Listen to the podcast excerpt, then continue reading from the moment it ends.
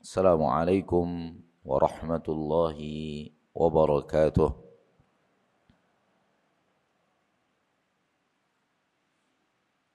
إن الحمد لله نحمده ونستعينه ونستغفره ونعوذ بالله من شرور أنفسنا ومن سيئات أعمالنا. من يهده الله فلا مضل له ومن يضلل فلا هادي له أشهد أن لا إله إلا الله وحده لا شريك له وأشهد أن محمدا عبده ورسوله صلى الله عليه وعلى آله وأصحابه ومن تبعهم بإحسان إلى يوم الدين وسلم تسليما كثيرا. يا أيها الذين آمنوا اتقوا الله حق تقاته ولا تموتن إلا وأنتم مسلمون. يا أيها الناس اتقوا ربكم الذي خلقكم من نفس واحدة وخلق منها زوجها بث منهما رجالا كثيرا ونساء واتقوا الله الذي تساءلون به والأرحام إن الله كان عليكم رقيبا يا أيها الذين آمنوا اتقوا الله وقولوا قولا سديدا يصلح لكم أعمالكم ويغفر لكم ذنوبكم ومن يطع الله ورسوله فقد فاز فوزا عظيما. أما بعد فإن أصدق الحديث كتاب الله وخير الهدي هدي محمد صلى الله عليه وسلم وشر الأمور محدثاتها فإن كل محدثة بدعة وكل بدعة ضلالة وكل ضلالة في النار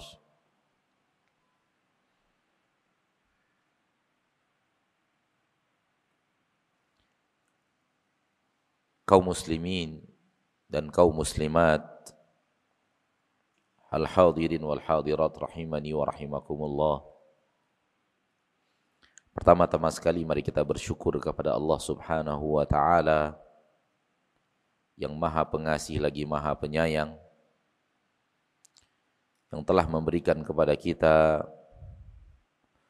rahmat dan nikmat tiada tara dan tiada terhingga setiap menit yang kita lalui bergelimang dengan rahmat dan nikmat Allah yang tak akan bisa kita hitung. Setiap menit yang kita lalui bergelimang dengan rahmat dan nikmat Allah yang tak terhitung.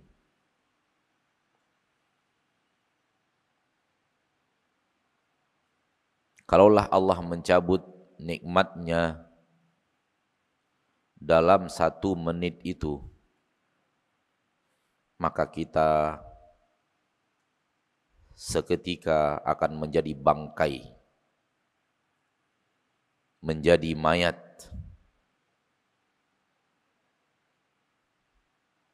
Namun karena Allah sayang kepada kita hamba-hambanya, maka Allah terus mencurahkan nikmat-nikmat yang luar biasa itu.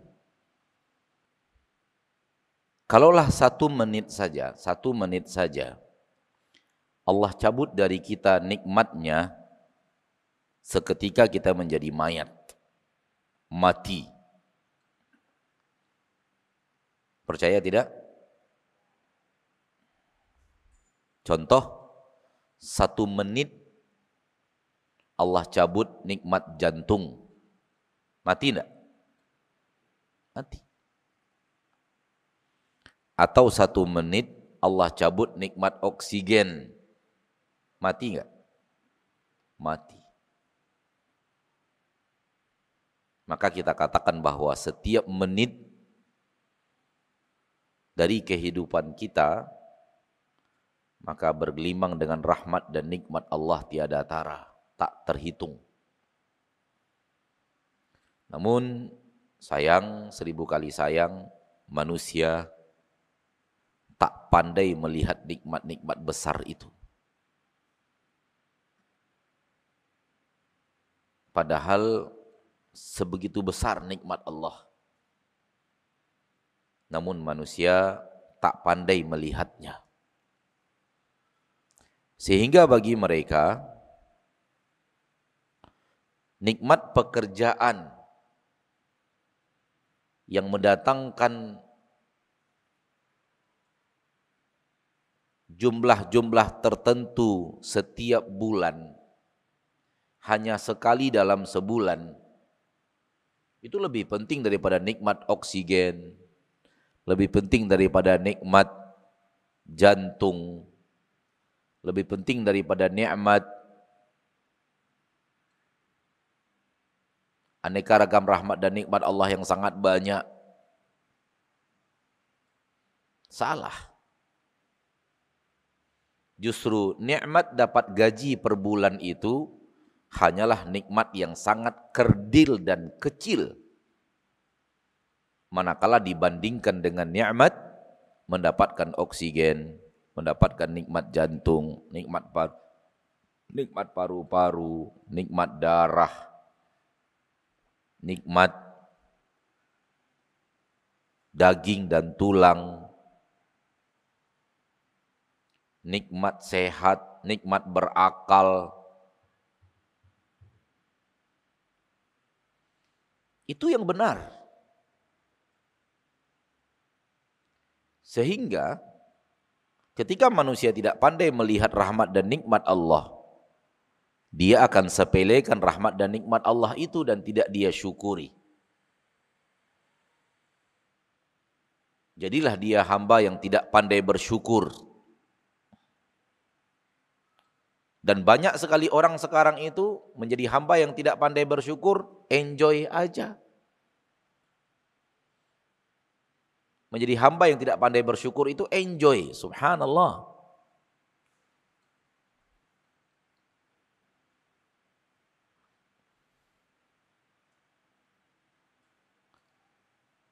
Apabila engkau wahai muslim wahai muslimah tidak pandai menjadi hamba yang bersyukur, engkau terancam dengan adab dahsyat. Karena Allah berfirman dalam ayat yang kita hafal, La in syakartum la azidannakum.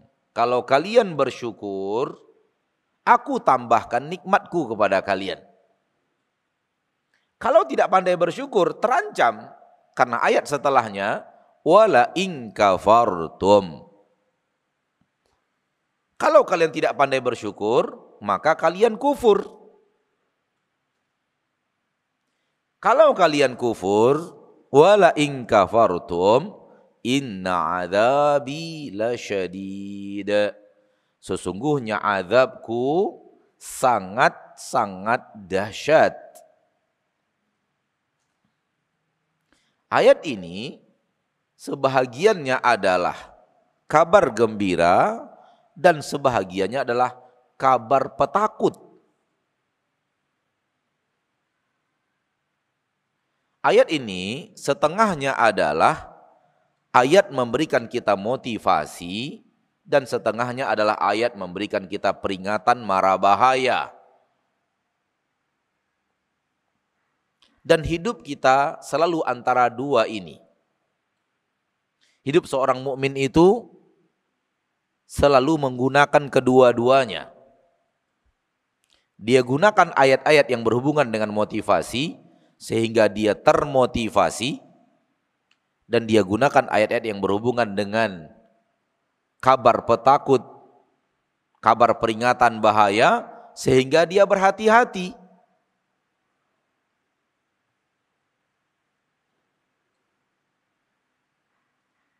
Tidak menjadi hamba yang bersyukur masuk ke dalam peringatan mara bahaya.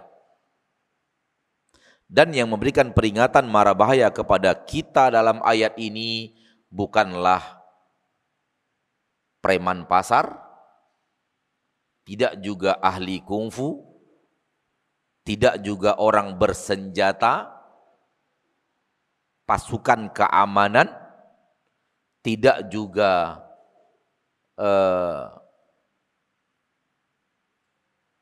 orang dalam bahasa kami orang Sumatera orang Baga apa namanya di sini centeng centeng kampung ya centeng ya Hah? Apa? Tidak jelas. Antum ngomong pakai masker, nggak jelas. Centeng. Centeng, salah mengucapkan. Gaya orang Sumatera Sumatera Utara, centeng gitu. Yang memberikan kabar petakut kepadamu dalam ayat ini bukanlah centeng pasar, bukanlah preman pasar, bukanlah pasukan bersenjata, bukanlah ahli kungfu yang memberikan kabar petakut kepada kita dalam ayat ini Allah. Namun banyak manusia kalau preman yang memberikan kabar petakut kepadanya dengan ancaman-ancaman, dia ketakutan, namun ketika Allah yang mengancam, dia santai-santai saja. Ini tanda kebodohan alias kepandiran.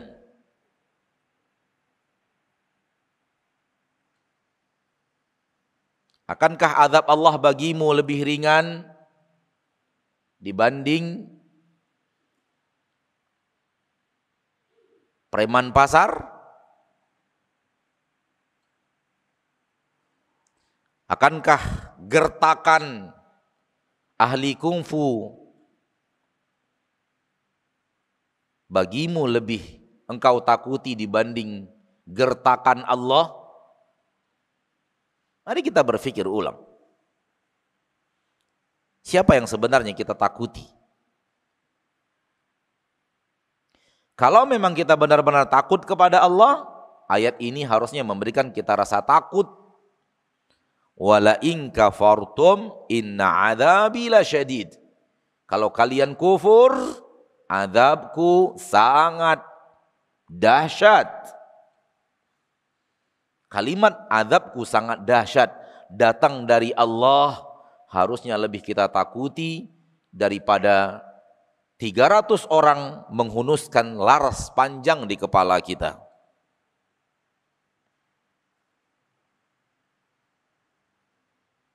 Harusnya.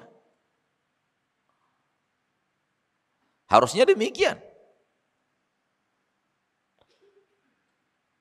Karena apabila 300 orang mengarahkan senjata laras panjangnya kepada kita, kalau ataupun mereka tembak, yang mati hanya jasad. Yang rugi hanya rugi dunia. Tidak mati pun kita terkena peluru panas, mati kena yang lain. Betul tidak?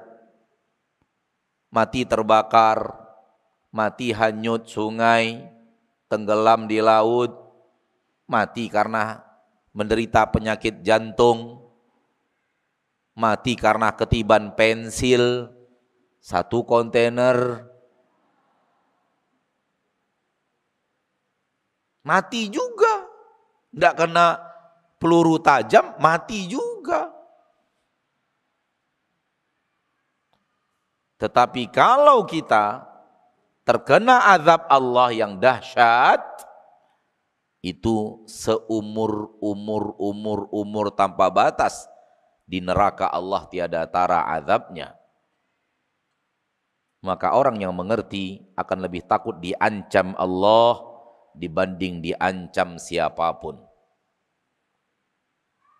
Kalau memang kita takut diancam Allah maka kita harus takut menjadi hamba yang kufur nikmat Camkan ini baik-baik Bapak dan Ibu kaum muslimin dan muslimat yang saya muliakan. Ini sangat-sangat penting dalam perjalanan kita di permukaan bumi ini sampai tutup usia.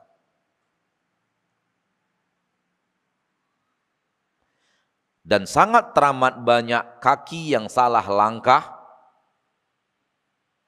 sikap yang salah di saat mereka lebih takut ancaman manusia dibanding ancaman Allah Subhanahu wa taala.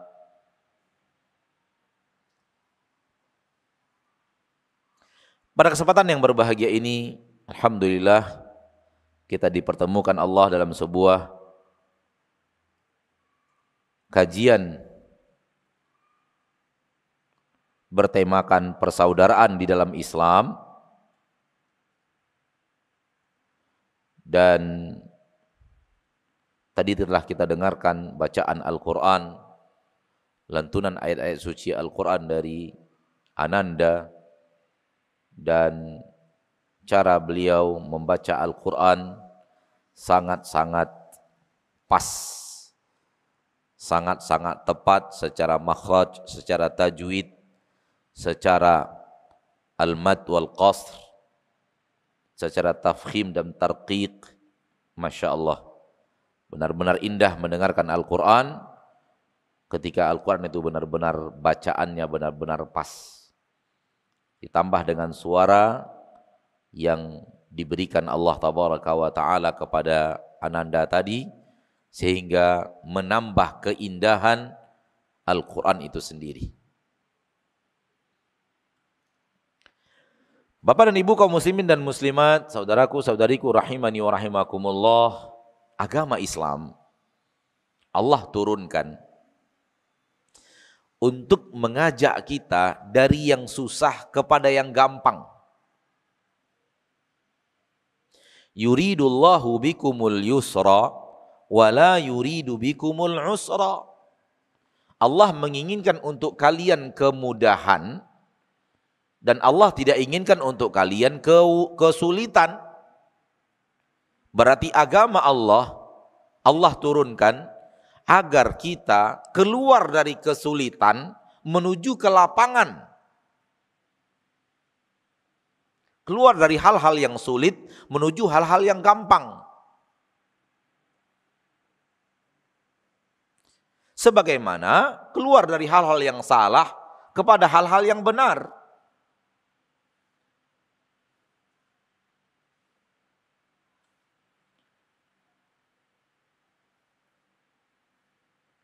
Oleh karena itu, orang yang hidup dengan agama Allah, hidup dengan kelapangan hidup.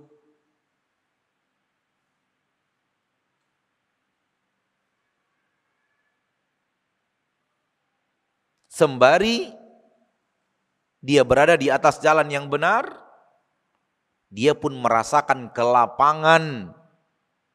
Hidup itu lapang.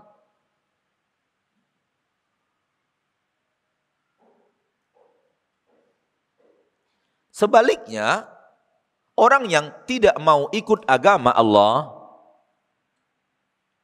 hidupnya itu dari lapang menuju sempit.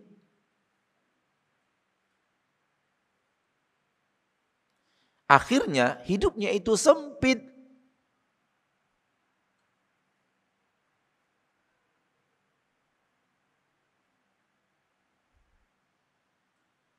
Taib.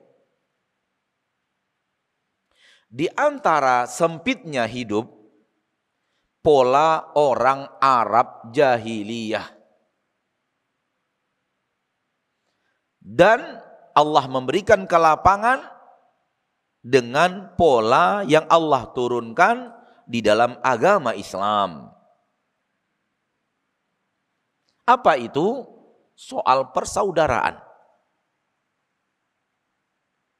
Persaudaraan ala Arab jahiliyah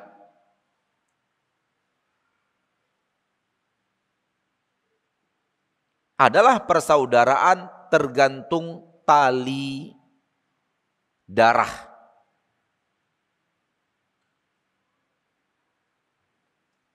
tidak dianggap saudara kalau bukan ayah dan ibu kita sama atau ayah beda ibu sama atau ibu beda ayah sama atau ayah ibu sama namun kakek ayah ibu beda namun kakek sama itu baru dianggap saudara. Sehingga saudara dalam konsep kaum jahiliyah persaudaraan itu terbatas dalam ruang lingkup yang sangat kecil. Sangat terbatas. Berapa sih manusia yang bisa dalam masuk dalam ruang lingkup persaudaraan itu? Hanya ayah, ibu sama, ibu beda, ayah sama, ayah beda, ibu sama, ayah ibu beda, kakek sama. Nenek sama. Berapa orang sih? Paling-paling banter 50 orang. Udah hebat itu. Betul tidak?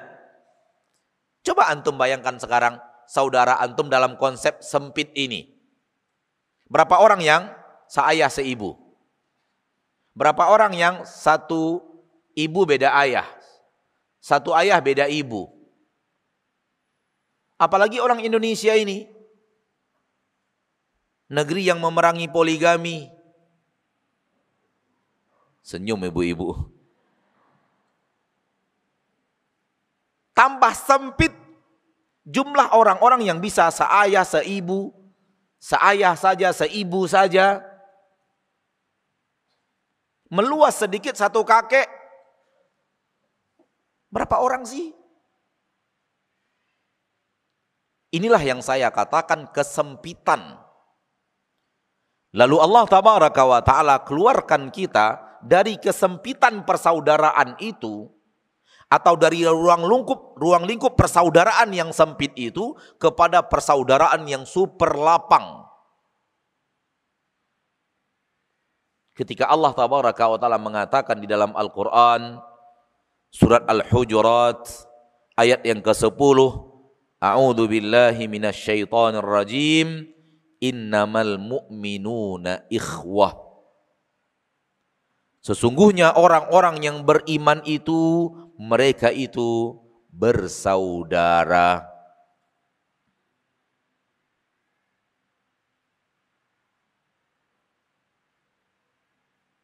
Sesungguhnya orang-orang yang beriman itu bersaudara kata Allah. Apa makna bersaudara? Seperti tadi bersaudara.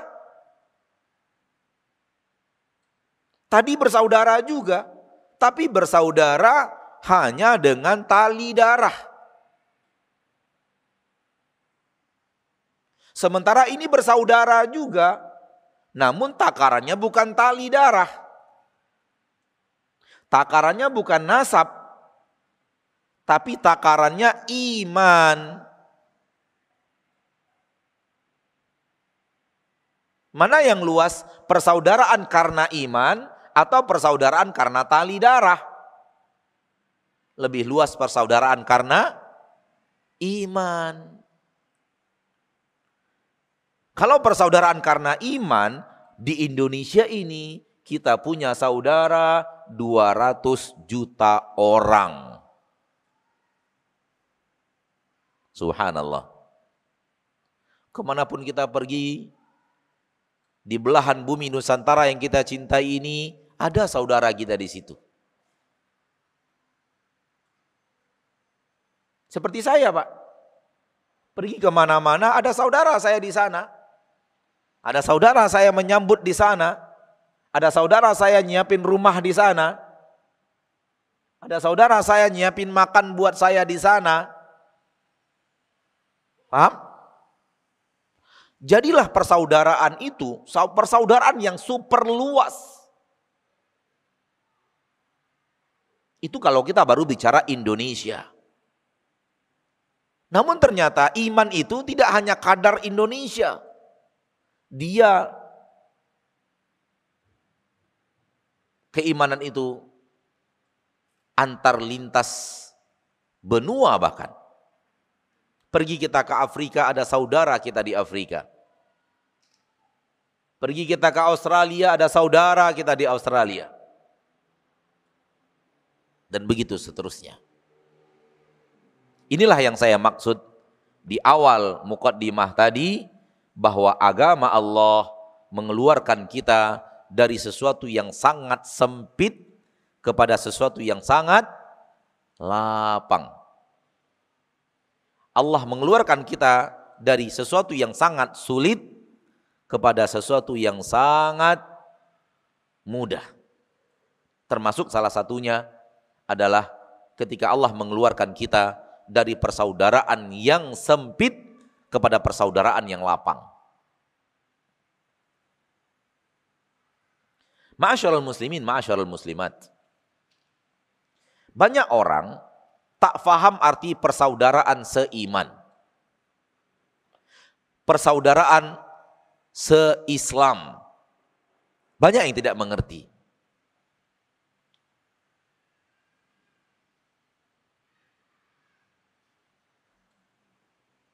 Sehingga makna persaudaraan seiman akhirnya tak mereka dapatkan.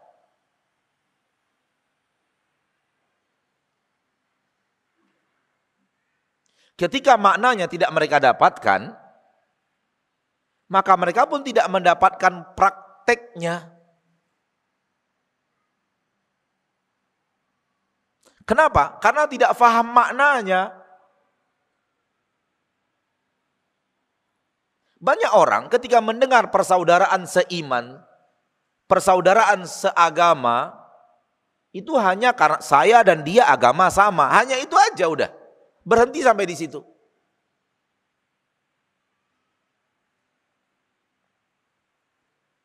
Dia muslim, saya muslim, berarti saudara se-Islam. Dia sholat, saya sholat, dia masuk masjid, saya masuk masjid, berarti saudara se-Islam. Udah sampai di situ aja. Wajar kalau maknanya hanya segitu bagi sebagian orang, bahkan kebanyakan orang, akhirnya tidak bisa mengamalkan persaudaraan seiman dengan baik dan benar. Karena tak ada makna tertanam kokoh dan kuat dari kalimat yang tadi dengan makna yang tadi bagi dia. Apa sih? Hanya saudara sama-sama Islam? Sama-sama nabinya Muhammad SAW, sama-sama kiblatnya Ka'bah, hanya itu saja. Itu yang dianggap orang sekarang persaudaraan seagama.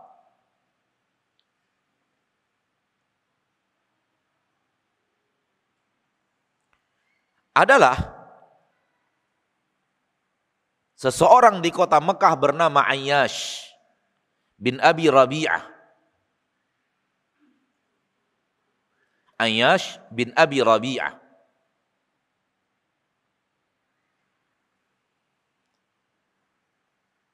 Dia ini saudaranya Abu Jahal. Tapi beda ayah. Tapi apa? beda ayah. Ayahnya Abu Jahal Hisham. Dan ayahnya Ayyash Abu Rabi'ah. Namun dua lelaki ini menikahi seorang wanita yang sama. Saya tidak tahu yang mana suami pertama, yang mana suami kedua. Saya tidak tahu. Apakah Rabi'ah lebih dahulu menikahi ibu daripada Ayyash dan ibu daripada Abu Jahal. Anda nggak tahu sejarahnya. Intinya hanya tahu bahwa mereka bersaudara, namun satu ibu beda beda ayah. Ketika Ayyash bin Abi Rabi'ah hijrah ke Madinah, hijrahnya diam-diam, Dan Ayyash ini teman dekatnya Umar bin Khattab radhiyallahu anhu wa ardahu. Radhiyallahu anhum wa ardahum. teman dekat, teman bermain, teman bercengkrama dari sebelum masuk Islam.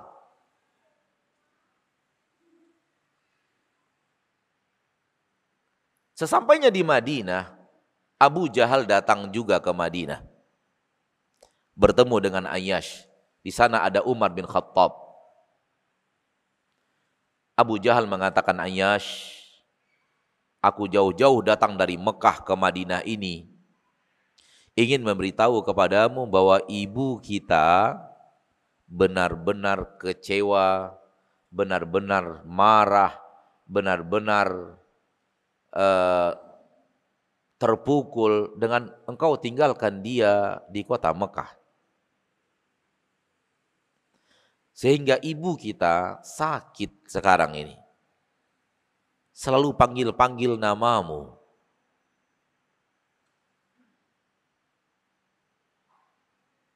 Ayo pulang denganku ke kota Mekah, lihat ibu kita. Yang namanya anak disebutkan kondisi ibu yang melemah, ibu yang sakit, ibu yang dalam kondisi kritis, siapa yang tidak tergoncang jiwanya?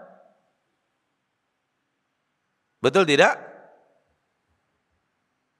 Dan ketika itu nggak bisa video call ke kota Mekah untuk memastikan ibu sakit apa tidak. Paham maksudnya? Udah.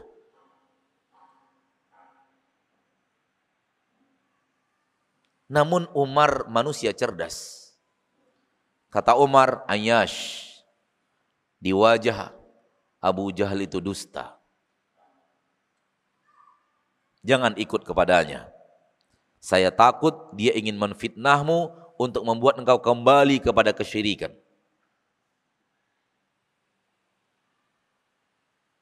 Mendengar kata-kata Umar, Abu Jahal membentak Umar. Abu Jahal lebih tua daripada Umar. Abu Jahal lebih berpangkat daripada Umar di kota Mekah. Abu Jahal adalah pemimpin dari suku yang lebih besar. Dan Umar ini, Umar bin Khattab, anak dari adik perempuan Abu Jahal. Jadi berkait-kait mereka.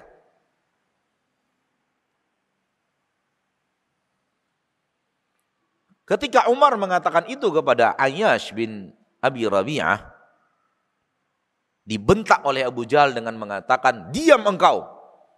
Engkau mau masuk antara dua orang bersaudara? Paham maksudnya? Orang orang pembicaraan orang dua bersaudara, kenapa engkau tiba-tiba masuk? Engkau orang luar.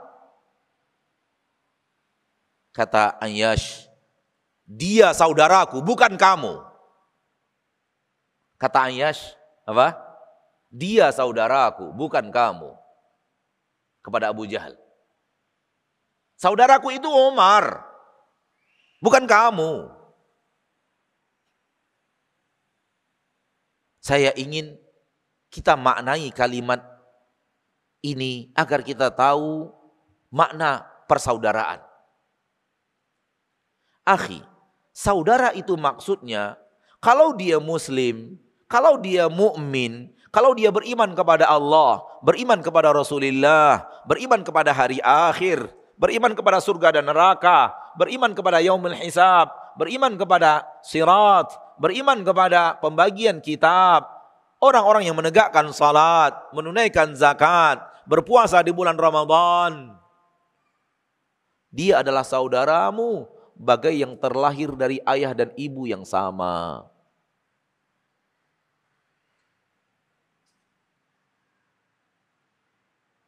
walaupun dia bukanlah orang yang terlahir dari ayah dan ibu yang sama dengan dirimu.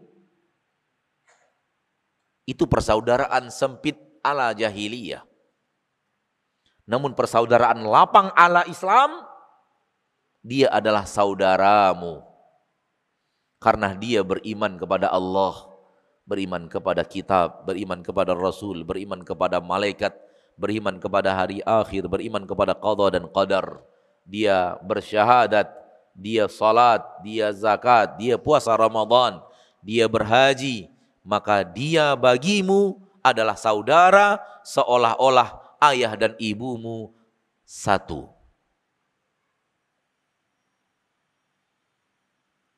Mari kita introspeksi diri, mari kita introspeksi pemahaman, apakah begini kita melihat persaudaraan dalam agama Islam?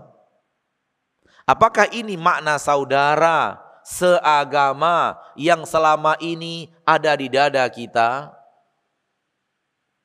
Saya yakin dan percaya 90% dari kita menjawab tidak atau lebih daripada 90%. Tidak begini saya memaknai saudara seiman. Kalau tidak begini kita memaknai saudara seiman, wajar aksi kita dalam persaudaraan seiman lemah dan sangat lemah.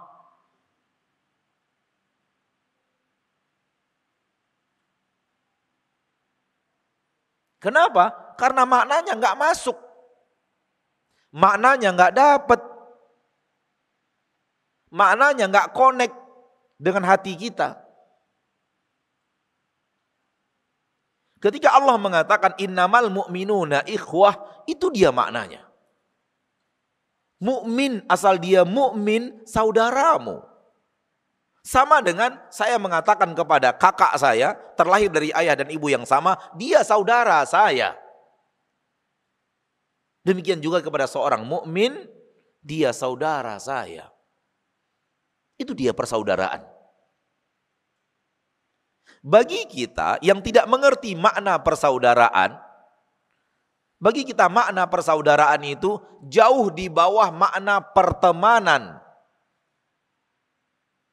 Ini teman saya, ada makna ketika kita mengatakan ini teman saya, ada makna yang spesial dari kata teman saya.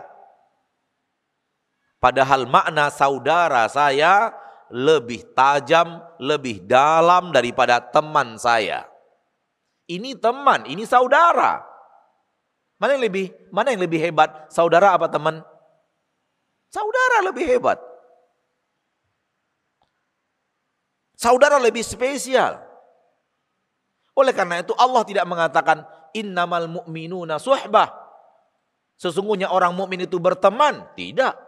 Allah datang dengan kalimat yang jauh lebih hebat daripada itu, innamal mu'minuna ikhwah.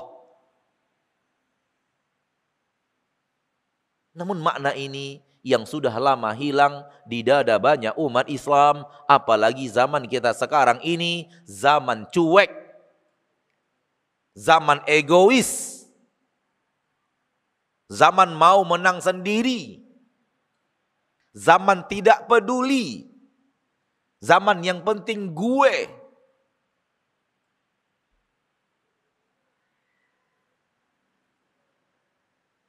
semakin lama semakin hilanglah makna innamal mu'minuna ikhwatun di dada banyak orang-orang yang memeluk agama Islam.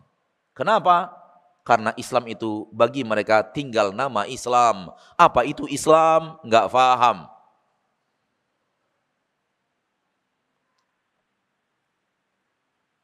Saya ti'alan nasi zamanun la yabqa minal islami illa ismuh wala yabqa minal qur'ani illa rasmuh akan datang suatu zaman kata Nabi SAW tidak tersisa dari Islam kecuali hanya nama saja. Apa itu Islam? Dia nggak paham apa itu Islam? Dia nggak ngerti. Tapi dia menyatakan saya Islam.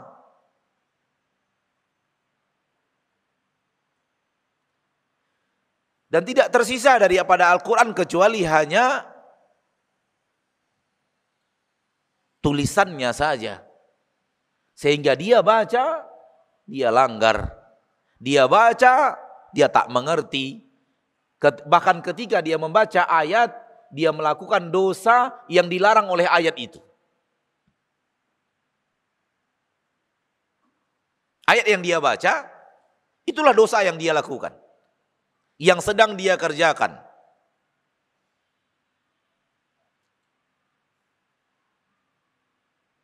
Mari saudaraku, saudariku, fahami apa itu Islam. Apa yang ada dalam agama Islam? Al-Islamu ya'lu wa la yu'la alaih. Islam ini kalau difahami dengan benar, diamalkan dengan benar, dia ada di paling atas, nggak ada yang lebih atas dari dia. Dia ada di derajat yang paling tinggi, tak ada yang bisa melampauinya. Dia adalah kaedah-kaedah hidup super sempurna, tak ada yang lebih sempurna dari dirinya. Itu dia Islam.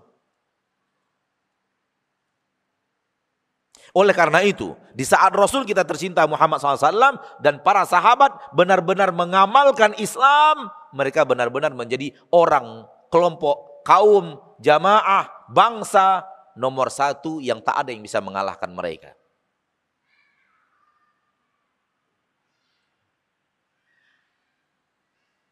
Kenapa? Karena mereka memegang prinsip hidup teratas, tertinggi, terhebat, terkomplit, tersempurna.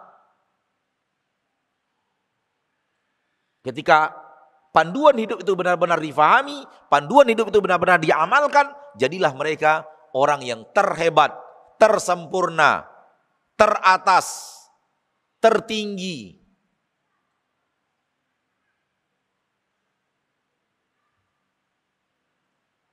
Wala takhafu, wala tahzanu. Jangan kalian takut, Jangan kalian sedih.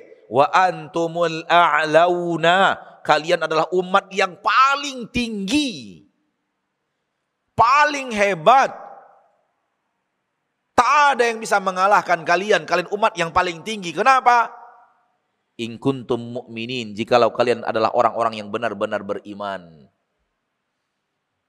Jadi kalau benar-benar beriman, benar-benar mengamalkan iman, tidak hanya sekedar teori iman dan tidak diamalkan, umat Islam ini akan menjadi umat tertinggi di mana tidak ada bangsa-bangsa dunia yang akan melampaui mereka.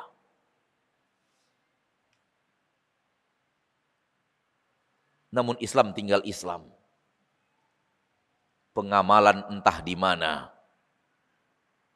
Ini yang kita keluhkan sekarang di negeri kita. Di tengah-tengah kehidupan kita di pergaulan kita, di tengah masyarakat kita, di negeri yang kita cintai ini.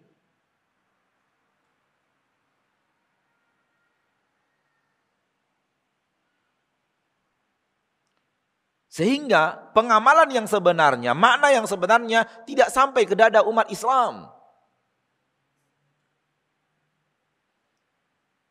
Akhirnya teman bagi mereka lebih penting daripada saudara. Lucu kan? Teman lebih hebat daripada saudara. Kan lucu.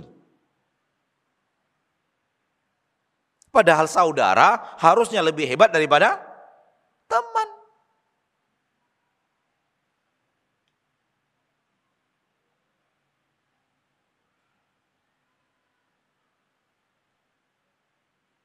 Coba kita yang hadir di majelis ini, kita yang hadir di majelis ini, saling berpegangan tangan. Coba.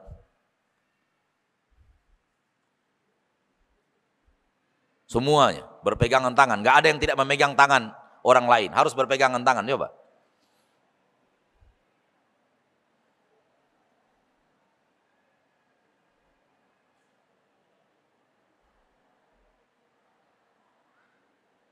Ayo ibu-ibu. Saling berpegangan tangan.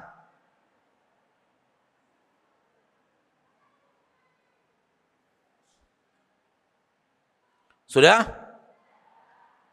Sekarang sambil berpegangan tangan, genggam erat-erat. Sudah?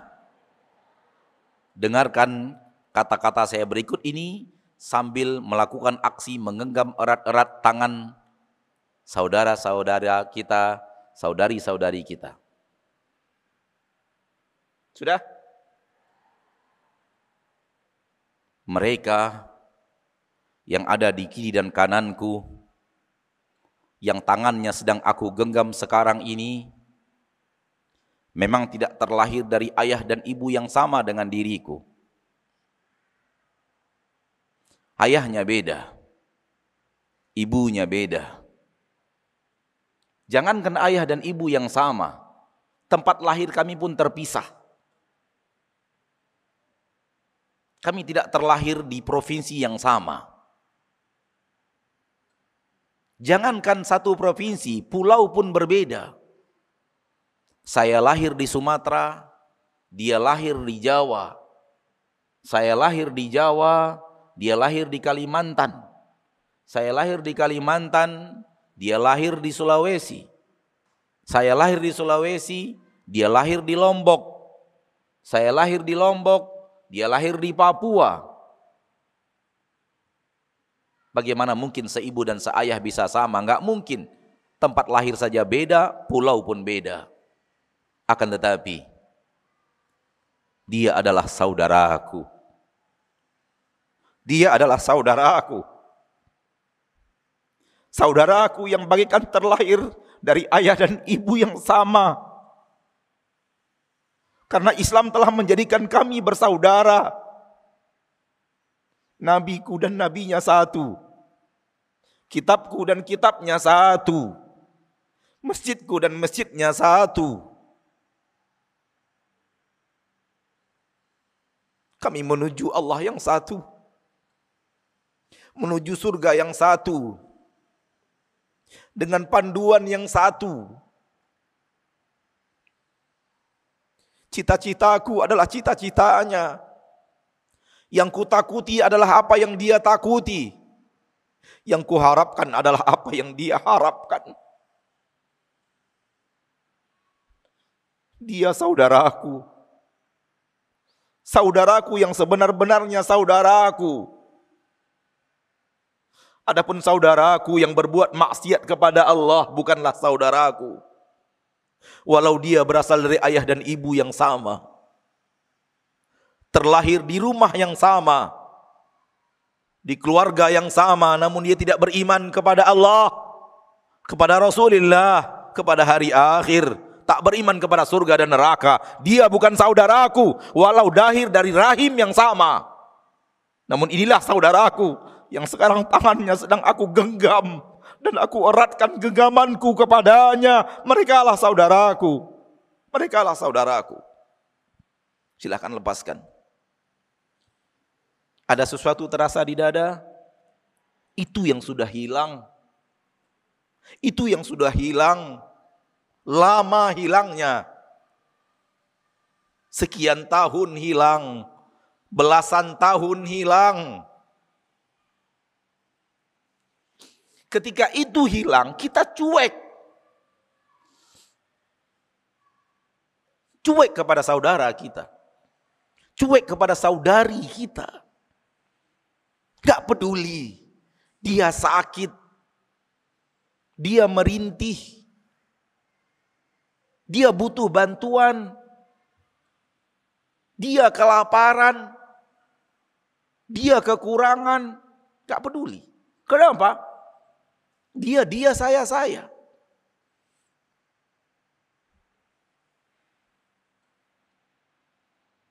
Di saat dia membutuhkan bantuan, kita tidak ada di sisinya, padahal kita bisa dan mampu untuk itu.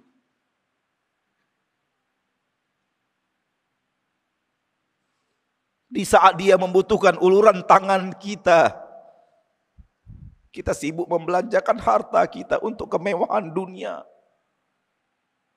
Kadang kemewahan itu setelah dibeli, disimpan di lemari, tak dilihat-lihat lagi.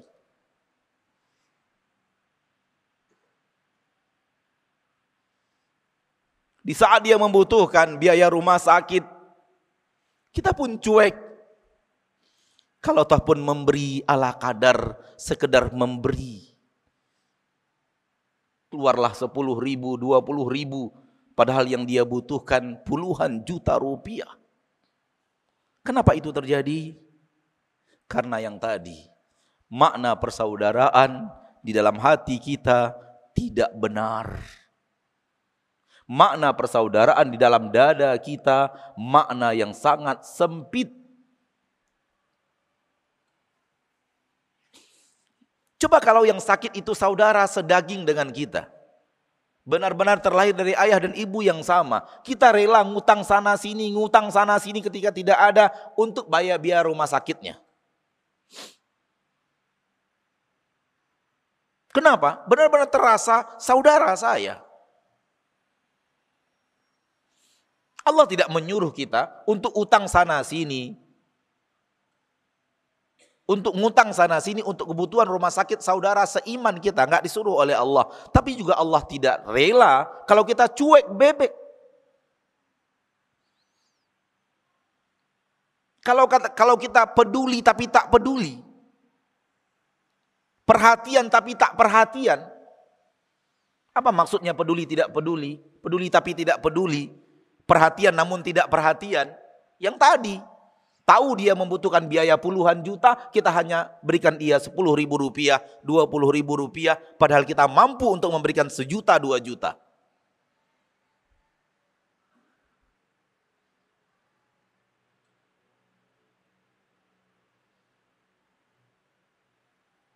Itu yang namanya perhatian namun tidak perhatian. Itu yang namanya peduli namun tidak peduli. Kepeduliannya benar-benar ala kadar. Perhatiannya hanya benar-benar ala kadar.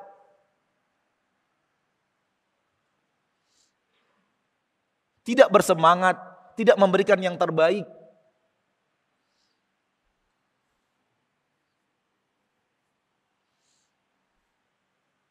Oleh karena itu lihat bagaimana Allah memuji kaum Ansar. Allah memuji kaum Ansar. Ketika mereka benar-benar peduli dengan saudaranya Muhajirin yang meninggalkan kota Mekah, pindah ke kota Madinah dengan harta ala kadar. Mereka tinggalkan rumah mereka di Mekah, pindah ke Madinah nggak punya rumah. Mereka tinggalkan bisnis mereka di Mekah, pindah ke Madinah, nggak punya bisnis. Mereka tinggalkan harta mereka di Mekah, pindah ke Madinah, nggak punya harta. Mereka tinggalkan saudara mereka di Mekah, pindah ke Madinah, nggak punya saudara. Lihat agama Islam datang dan kemudian dengan persaudaraan di mana satu orang muhajirin dipersaudarakan dengan satu orang ansor. Satu orang muhajirin dipersaudarakan dengan satu orang ansor. Kamu saudara kamu ini. Kamu saudara kamu yang ini. Fulan saudaranya yang ini. Fulan saudaranya yang ini. Ini dia persaudaraan al-muakhat yang dilakukan Nabi Shallallahu Alaihi Wasallam di awal-awal beliau sampai di kota Madinah antara muhajirin dan ansor. Apa yang dilakukan Ansor? Saudaraku, muhajirin, kita tidak berasal dari ayah dan ibu yang sama, suku kita pun tak sama, namun kita adalah saudara. Duhai saudaraku, aku punya dua rumah. Silakan lihat ini rumahku yang pertama, dan itu rumahku yang kedua. Engkau datang, silakan cross check rumah yang pertama, cek rumah yang kedua, kamu suka yang mana? Rumah yang pertama atau rumah yang kedua? Kalau engkau suka rumah yang pertama, aku berikan rumah yang pertama itu kepadamu. Biarlah aku tinggal di rumah yang kedua. Kalau engkau suka rumah yang kedua, ambil rumah yang kedua itu untukmu, biarlah aku dan keluargaku tinggal di rumah yang per yang pertama. Dalam serius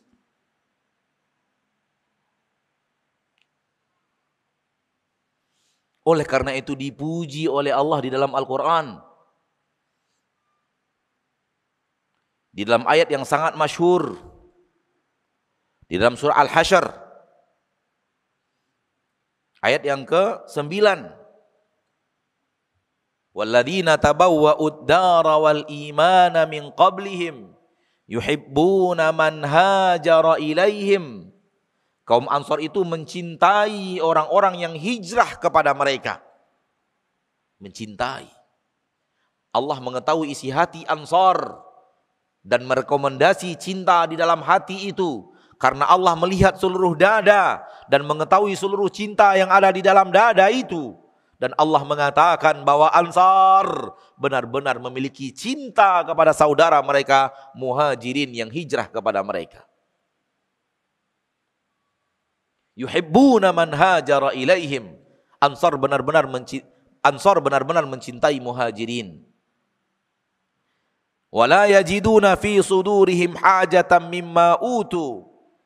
Dan Ansor tidak menemukan di hati mereka ada sesuatu di saat mereka telah memberi kepada muhajirin. Tak ada sesuatu di hati mereka. Tak ada penyesalan, tak ada ganjalan, tak ada unek-unek, tak ada penyesalan apa pun setelah mereka memberi rumah mereka dan rumah mereka yang terbaik diambil oleh muhajirin. Mereka tinggal di rumah yang di bawahnya secara kualitas. Tak ada sesuatu di hati mereka karena mereka cinta melihat saudaranya tinggal di rumahnya yang paling mewah dan dia dan istrinya tinggal di rumah yang di bawah itu.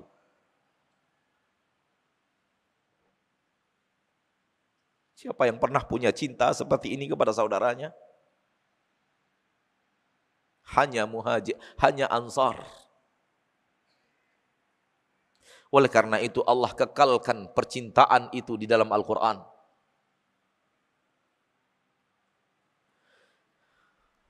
Wa yu'thiruna ala anfusihim walau kana bihim khasasah. Ansar itu mendahulukan saudaranya muhajirin Walau sebenarnya dia juga kesulitan. Dia juga tidak lapang secara duniawi. Namun di tengah ketidaklapangannya, di tengah ketidak kayanya dia tetap mendahulukan saudara mereka muhajirin dibanding dirinya sendiri. Siapa yang pernah punya cinta ini kepada saudaranya?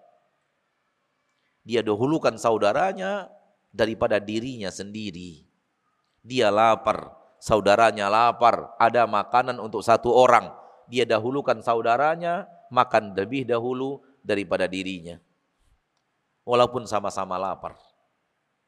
Biarlah saudaraku kenyang, aku lapar.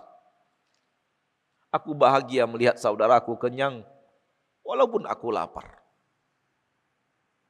Siapa yang bisa seperti itu? Subhanallah.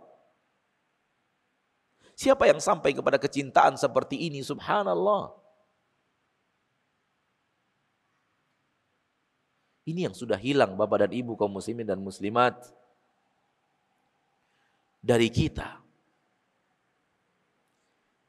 Sehingga persaudaraan bagi kita hanya untayan kata yang tidak memiliki makna. Persaudaraan bagi kita hanya sebuah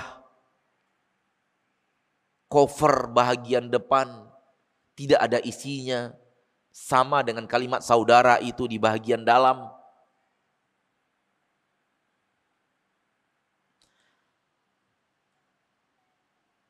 Namun kalau kita benar-benar memaknai persaudaraan, sebenar-benar persaudaraan, maka tahulah kita apa aksi yang harus kita lakukan untuk saudara kita itu.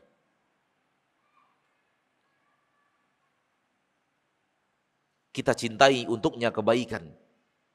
Sebagaimana kita mencintai kebaikan untuk itu untuk diri kita. Bahkan bila perlu kita lebihkan untuknya lebih daripada untuk kita.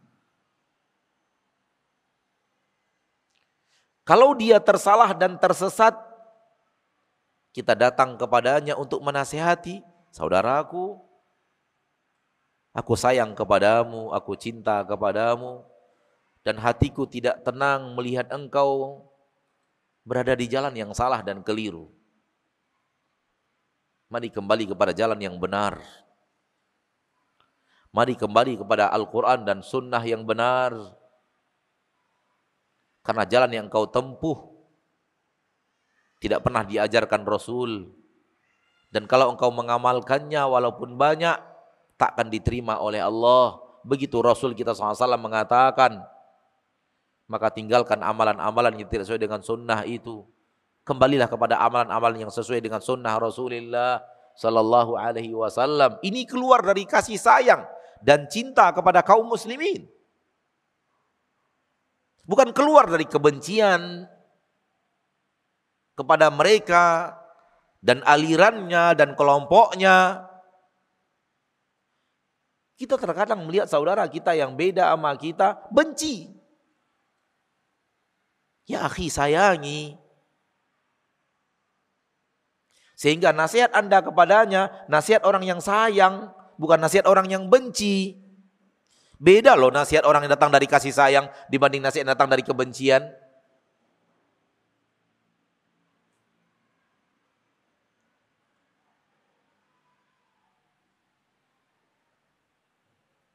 Ketika dia sakit, jenguk. Dia membutuhkan bantuan, berikan bantuan. Tapi jangan seperti yang tadi. Perhatian tapi tidak perhatian. Peduli namun tidak peduli.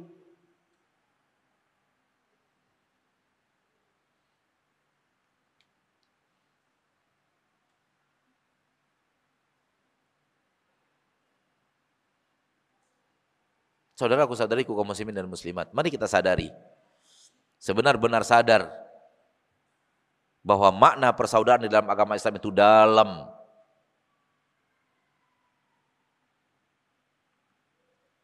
Sedalam yang tadi kita coba wujudkan dengan sebuah aksi saling berpegangan tangan, berangkulan, Sehingga kalau ada orang bicara hal yang buruk tentang saudara kita, kita tampil membela saudara itu. Dengan mengatakan, hei, jangan bicara buruk tentang dirinya, dia saudaraku. Hati-hati, jaga mulutmu. Begitu. Begitu orang bersaudara. Dia saudariku. Engkau bicara yang buruk tentang saudariku di hadapanku. Jaga mulutmu, akhi. Jaga mulutku, saudariku. Kira-kira begitu.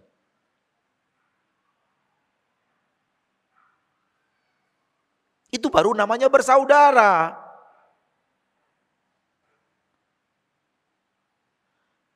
Adapun ada orang bicara tentang saudara kita, saudari kita yang buruk, kita bahagia mendengar kabar buruk dari dia tentang saudara kita.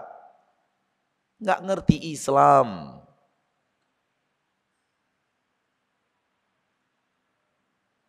Islam di mana, dia di mana. Islam berada dalam satu lembah, dia berada di lembah yang berbeda dengan lembah Islam itu sendiri.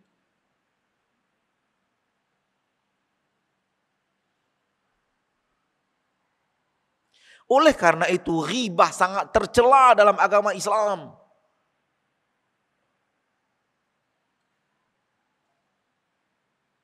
Oleh karena itu menzolimi saudara kita tercela dalam agama Islam. Oleh karena itu mendustainya tercela dalam agama Islam. Oleh karena itu mencurangi timbangan tercela dalam agama Islam. Oleh karena itu bersumpah dengan nama Allah untuk menjual barang agar saudara kita beli tercela dalam agama Islam. Oleh karena itu tidak jujur dalam perdagangan. Tidak barang asli dikatakan barang asli tercela dalam agama Islam. Kualitas lima dikatakan kualitas nomor dua tercela dalam agama Islam. Pahamlah kita maknanya. Kita ingin memberikan yang terbaik untuk saudara kita, bukan yang terburuk.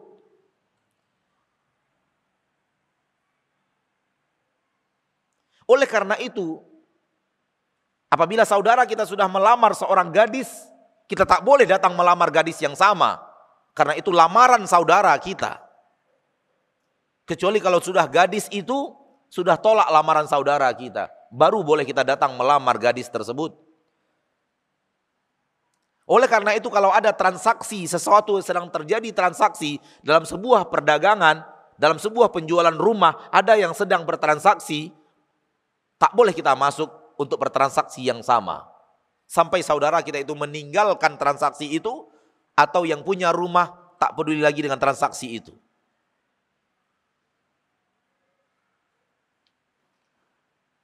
Nabi SAW, wala yabi' ba'dukum ala bai'i ba'din. Jangan kalian membeli di atas belian saudara kalian. Ada sebuah mobil kita suka, sangat suka sekali. Udah berkeliling-keliling kita di kota Jakarta ini, belum ketemu mobil yang kita suka itu. Bertemu suatu saat mobil sedang kita sukai. Mendekat kita ke mobil itu ternyata saudara kita muslim sedang transaksi berapa harganya, adakah diskonnya. Berarti dia sedang bertransaksi. Bisa nggak kurang? Bagaimana cara pembayarannya? Terdengar oleh kita sepertinya penjual mobil itu seperti mengarah kepada suka untuk transaksi kepada saudara kita itu sekira-kira penjualan mobil itu akan dijual sekira-kira dalam pembicaraan yang kita dengar itu sekira-kira dia menjual mobil itu di harga 350 juta. Padahal kita suka sekali mobil itu. Kata Allah, kata Rasulullah SAW, jangan kalian masuk untuk bertransaksi. Saudaramu ber, sedang bertransaksi. Jangan katakan melalui karyawan showroom dan mengatakan bilang ke bosmu, aku bayar 400 juta. Nggak boleh, haram. Kenapa? Saudaramu sedang bertransaksi. Jangan wujudkan sebuah transaksi di atas transaksi. Sama dengan yang tadi. Jangan lamar seorang gadis yang sedang dilamar oleh saudaramu.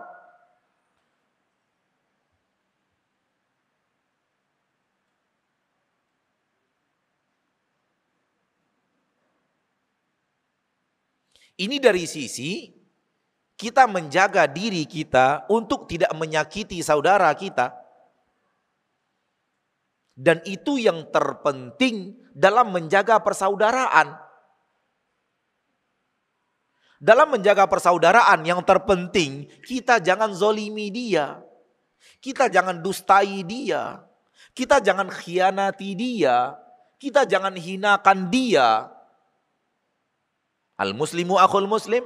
La yadhlimuh wala yakhdhuluh wala yakdzibuh. Seorang muslim bagi muslim lainnya bersaudara kata Nabi. Jangan dia zolimi saudaranya. Jangan dia hinakan saudaranya. Jangan dia dustai saudaranya. Nabi mendahulukan kalimat-kalimat larangan. Karena kalimat-kalimat larangan ini yang paling penting di dalam menjaga persaudaraan.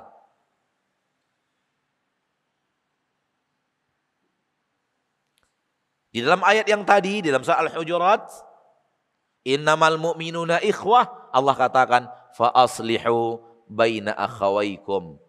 Perbaiki persaudaraan kalian sesama kalian sesama saudara, perbaiki. Hal yang paling penting dalam memperbaiki persaudaraan adalah hindari menzoliminya, hindari mendustainya, hindari menghinakannya, hindari mengkhianatinya, hindari menghibahinya, hindari memfitnahnya. Itu dia menjaga persaudaraan.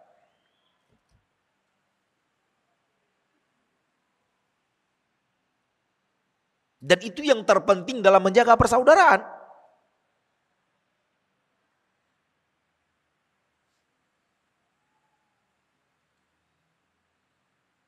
Oleh karena itu, nas-nas dalam persaudaraan di dalam agama Allah, Al-Quran dan Hadis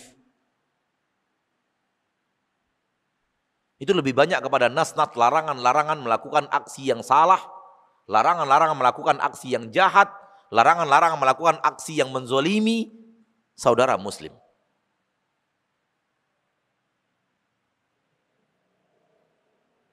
Baru kemudian melangkah ke poin yang kedua untuk menjaga persaudaraan adalah yang tadi yang poin pertama, yang tadi jangan zolimi, jangan hinakan, jangan ribahi, jangan dustai, jangan curangi timbangan. Intinya jangan berikan keburukan kita kepadanya. Intinya adalah jangan berikan keburukan kita kepadanya. Jangan lakukan hal yang buruk kepadanya. Itu inti yang pertama. Dan itu yang harus selalu diperhatikan dalam menjaga persaudaraan.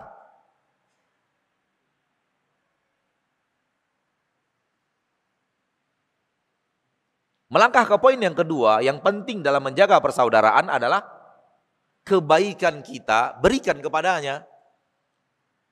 Kebaikan kita berikan kepadanya. Yang tadi yang buruk dari kita, jangan berikan kepadanya. Yang buruk itu apa? Menzolimi, mendustai, mencurangi, dan seterusnya dan seterusnya. Kita udah paham itu insya Allah poin yang pertama. Poin yang kedua adalah yang baik dari kita berikan kepadanya. Apa yang baik dari kita? Banyak. Kita punya makanan, beri dia makanan. Kita punya harta, beri dia harta. Kita punya ilmu, ajarkan ilmu itu kepadanya. Nasehati dia ketika dia butuh nasihat. Ingatkan dia kalau dia salah. Ajak dia kepada kebaikan, ajak dia menimba ilmu, ajak dia membaca buku, hadiahkan buku itu kepadanya,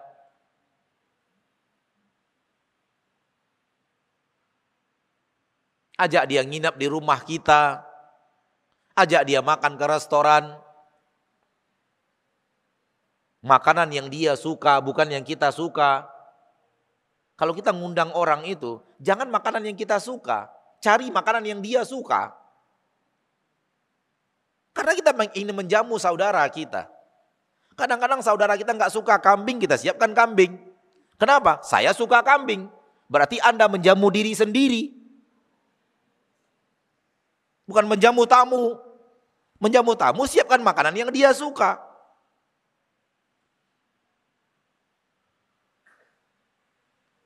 Teman yang mau diundang, kita sudah tahu tensinya 180 per 120. Siapkan menu serba kambing.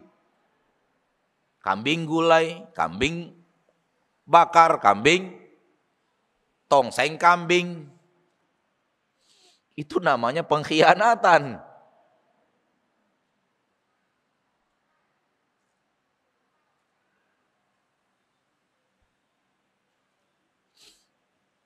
Ada seorang dokter,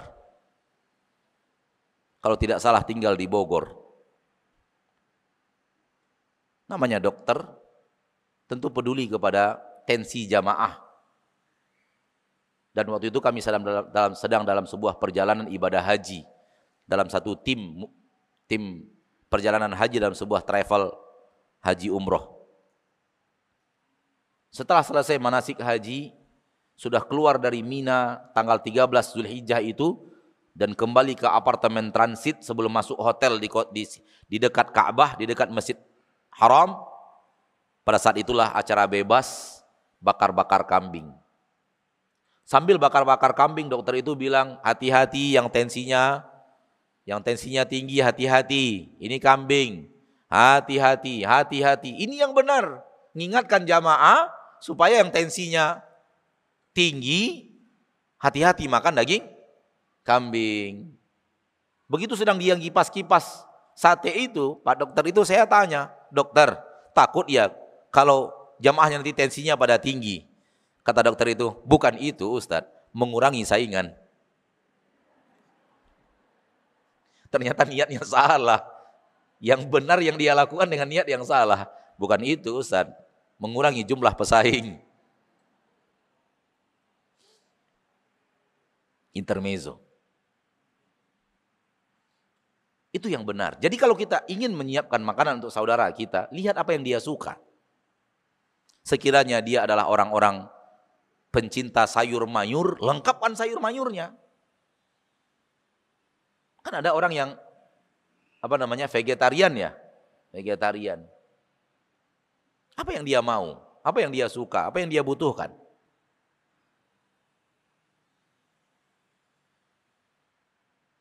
Saya rasa itu ya materi saya lebih kurang satu jam berbicara karena waktu yang disediakan sampai jam 11 waktu Indonesia bagian Barat. Saya rasa itu secara materi cukup dan kalau kita mengetahui makna yang tadi, itu penjabarannya bisa luas Pak. Saya bisa bicara panjang lebar tentang penjabaran makna tadi. Dan semua itu akan ada di dalam ayat-ayat hadis, dalam ayat-ayat Al-Quran, dalam hadis hadis Nabi SAW. Namun yang penting dari yang saya katakan tadi, itu yang penting. Yang penting dari persaudaraan itu adalah mengertinya kita apa itu makna saudara. Apa itu makna persaudaraan. Ya, dan yang terpenting dari menjaga persaudaraan, jangan sesuatu yang buruk dari kita nyebrang ke dia. Jangan yang buruk dari kita apa? Nyebrang ke dia. Itu yang harus dijaga. Dijaga benar. Sampai sifat cuek kita nggak boleh. Cuek kita kepada dia itu buruk sudah. Kata Nabi SAW, la yu'min.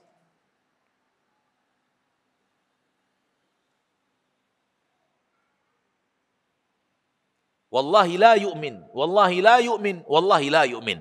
Demi Allah tidak beriman. Demi Allah tidak beriman. Demi Allah tidak beriman, kata Nabi. Tiga kali. Kata para sahabat, siapa ya Rasulullah? Alladhi la ya'manu jaruhu bawa'iqah.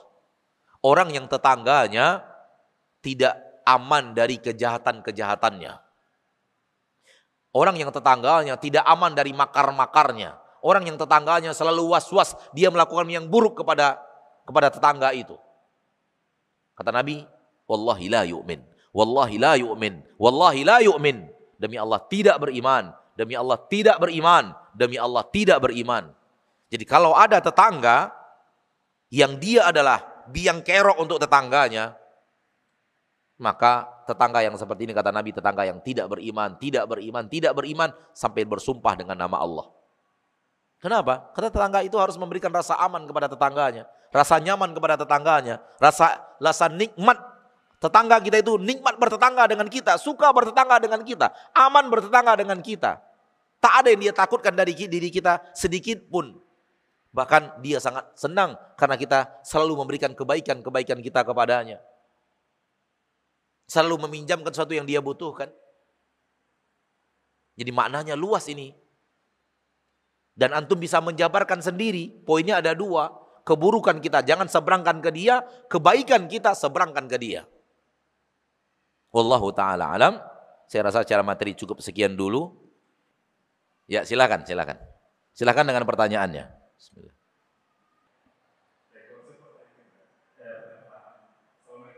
Waalaikumsalam.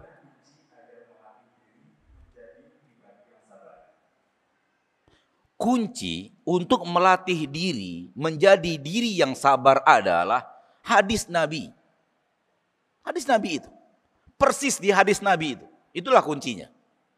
Datang seorang lelaki terkenal dengan lelaki yang tidak bersabar. Kata Nabi, La taghdab, jangan marah.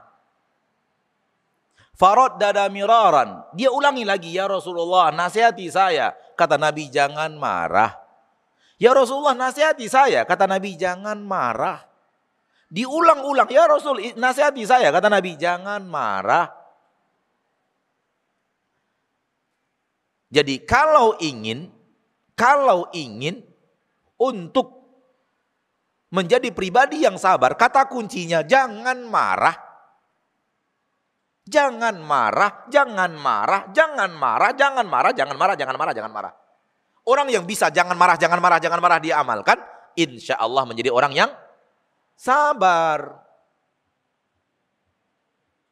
Pokoknya ketika sudah mau marah, ingat pesan Nabi, jangan marah. Setiap mau marah, ingat pesan Nabi, jangan marah. Setiap mau marah, ingat pesan Nabi, jangan marah dan amalkan jangan marah jangan marah itu. Insya Allah menjadi pribadi yang sabar. Karena pribadi yang tidak sabar marah. Dan sering marah, semakin tidak sabar semakin marah. Semakin sering marah, maka orang yang bisa menjaga tidak marah, tidak marah, tidak marah, tidak marah, tidak marah, itu pribadi yang sah, sabar. Marah itu nggak enak, Pak. Yang pertama kali menderita karena marah adalah yang marah itu sendiri. Lihatlah kata Nabi, tidakkah engkau melihat urat-urat di lehernya tegang? Nih, tegang di sini. Kalau orang sudah marah, itu urat-urat di lehernya nimbul. Dia sendiri menderita dengan sifat marahnya.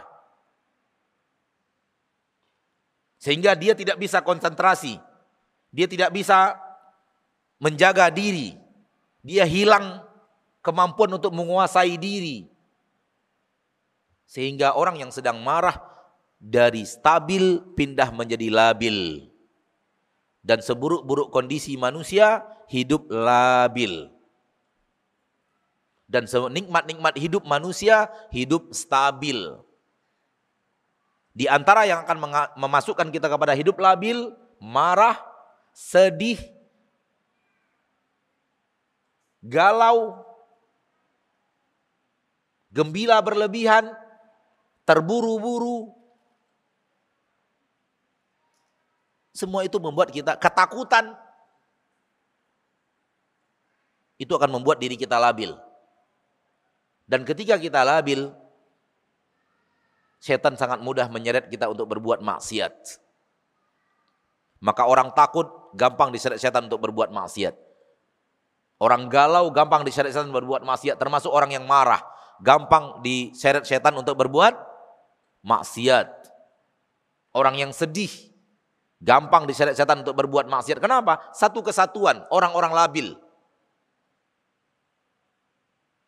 Oleh karena itu orang yang sedang marah sering melakukan sesuatu yang kalau dia stabil tak akan melakukan itu. Kalau dia lagi tidak marah, dia tidak akan lakukan itu. Namun karena dia marah, dia lakukan itu. Dan akhirnya yang dia lakukan ketika marah, ketika tidak stabil, dia sesali di saat dia sudah stabil. Dia sesali di saat dia sudah apa? Stabil. Kata Nabi, kata orang Arab, al-ghadabu awwaluhu jununun wa akhiruhu nadamun sifat emosi dan marah itu awal-awalnya gila, akhir-akhirnya nyesal. Awalnya gila, akhirnya nyesal. Itulah sifat marah. Sifat pemarah itu dia. Ketika di awal-awal marah kayak orang gila. Pintu dibanting, kaca ditinju, berdarah-darah, mobil ditabrakkan, betul nggak?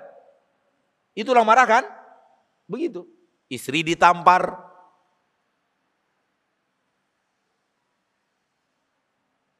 Kegilaan itu. Rak piring dijatuhkan. Sifat gila itu. Sifat tidak stabil. Tidak bisa menguasai dirinya sendiri. Akhirnya adalah uh, penyesalan. Maka ketika kita tahu bahwa sifat marah itu tak baik, maka obatnya adalah jangan marah, jangan marah, jangan marah, jangan marah, jangan marah.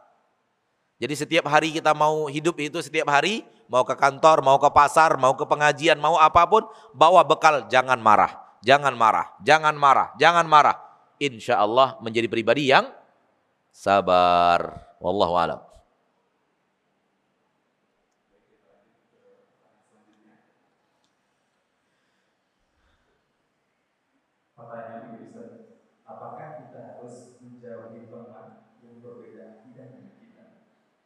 Ulangi.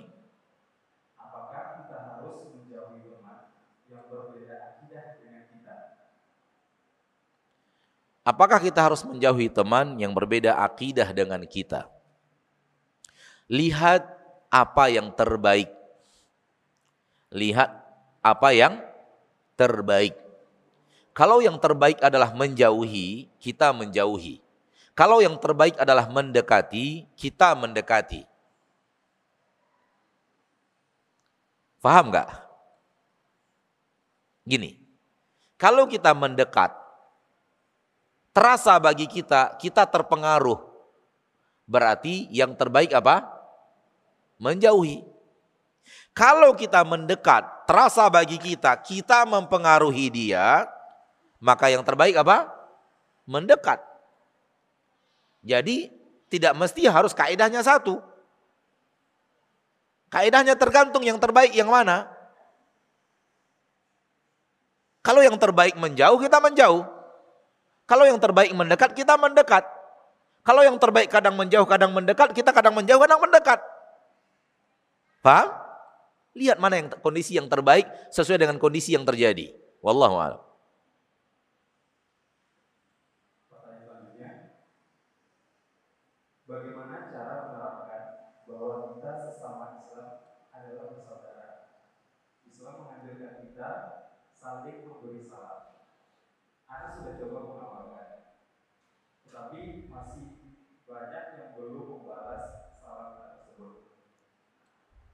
Jangan kita mengucapkan salam harapan kita, salam kita dijawab. Ucapkanlah salam untuk mencari pahala sebanyak-banyaknya walau orang tidak menjawab salam. Kalau kita memberi ingin dibalas namanya nggak ikhlas. Kalau kita memberi tanpa harap dibalas namanya ikhlas. Ketika kita memberi salam, harapannya dibalas salam, mungkin nggak ikhlas. Karena memang sudah harap balas balasan salam itu. Namun kalau kita ingin memberi salam tanpa harap balas, terserah. Engkau mau jawab, jawab. Enggak, enggak. Yang penting saya ingin memberi, mencari pahala sebanyak-banyaknya dengan memberikan salam kepada muslim. Maka orang yang seperti ini akan mau mengucapkan salam walau salamnya tidak di dibalas. Kadang-kadang kita ucapkan salam, salam tidak dibalas, kita sakit hati. Sombong tuh orang, dosa loh. Anda mengucapkan salam, ingin cari pahala. Dia tidak jawab salam, namun karena hatimu ingin dia membalas salam, ternyata dia tidak membalas salam, akhirnya engkau mengeluarkan kata-kata burukmu kepada saudaramu. Itu artinya distarik syaitan berbuat maksiat melalui pintu ibadah. Namun kalau engkau mengucapkan salam kepada siapa pun tanpa harap sedikit pun dia membalas, maka engkau akan enjoy mengucapkan salam itu ke banyak orang walau hanya 5% yang membalas. Dan paling sering kita temukan kaum muslimin menganggap salam itu hanya teguran dan sapa. Sehingga ketika kita mengucapkan salam, Assalamualaikum Pak, yup. Jawabannya, yup. Padahal kita mengucapkan Assalamualaikum. Kenapa? Karena kita ini sudah menganggap Assalamualaikum hanya sapaan. Assalamualaikum Pak. Yup. Gitu. Padahal salam maknanya dalam, maknanya luas. Nah, silakan berikutnya.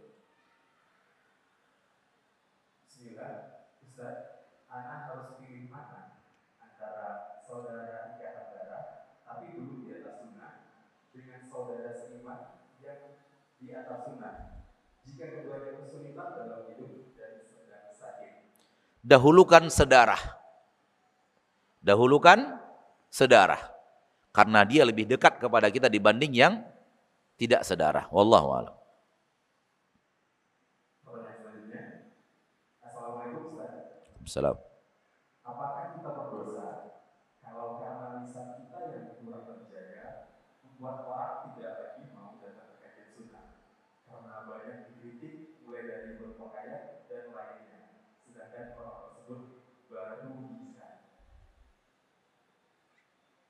Bacakan bagian pertama saja. Apakah kita berdosa kalau karena lisan kita yang kurang terjaga membuat orang tidak lagi mau datang ke kajian Jawabannya ya. Jawabannya apa? Ya. Karena lisan kita yang tidak terjaga. Itu pertanyaan tadi yang saya dengar. Lisan kita tidak terjaga. Lalu orang sakit hati Lalu setelah itu dia tidak mau lagi hadir kajian. Jawabannya iya. Contohnya adalah ada orang baru datang pengajian, ya. Terus lisan kita terlihat pakaiannya belum sesuai dengan sunnah, tak tidak memiliki kriteria pakaian sunnah, lalu kita katakan menor amat, karena lisan kita yang tidak terjaga, dia sakit hati dan tidak mau lagi. Kita berdosa karena lisan kita tidak terjaga. Namun kalau lisan kita terjaga, dia tetap sakit hati, kita tidak dosa. Contoh, kita katakan saudariku, dari mana? Di mana rumahnya? Di mana rumah? Aduh sayang, di mana rumah? Masya Allah, gini begini. Lalu kita anu dia, lalu kemudian di akhir kita katakan, besok kalau datang ke sini, kalau bisa pakaiannya kayak begini ya. Kalau pakaian begini kan kurang enak lihatnya. Berarti lisan kita terjaga tidak? Terjaga tidak? Lalu dia sakit hati, tak mau datang lagi. Kita nggak dosa. Lisan kita terjaga. Namun kalau lisan kita yang memang tidak terjaga seperti teks pertanyaan, maka kita berdosa. Nah. Bagaimana kalau ada teman yang sudah sangat dipercaya, tapi malah menyakiti atau melukai hati? Apakah bersaudara dalam Islam juga menyakiti hati saudaranya? Ini perlu dijawab nggak sih? Kayak nggak dengar kajian dari awal gitu loh. Kan kajian kita dari awal itu isinya. Dan ada satu poin yang kita tangkap di sini, salah mempercayai orang. Salah mempercayai orang. Harusnya dipercayai itu orang yang amanah, orang yang jujur, bukan orang yang suka sama kita.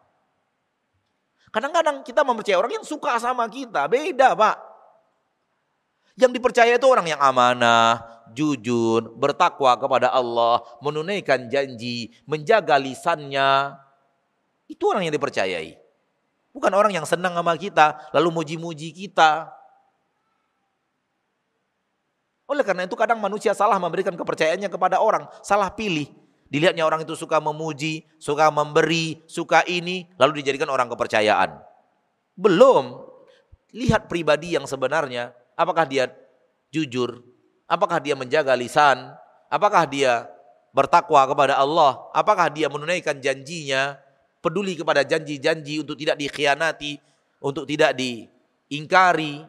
Kalau sudah seperti itu sifat aslinya baru tes dia ketika lulus tes jadikan dia orang kepercayaan.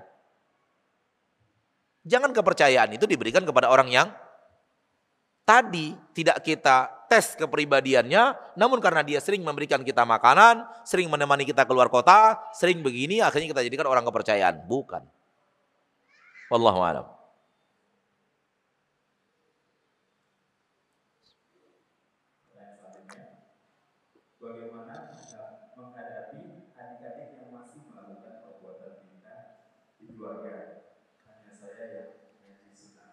Ulangi, ulangi. Bagaimana menghadapi? Adik-adik. Wow. No.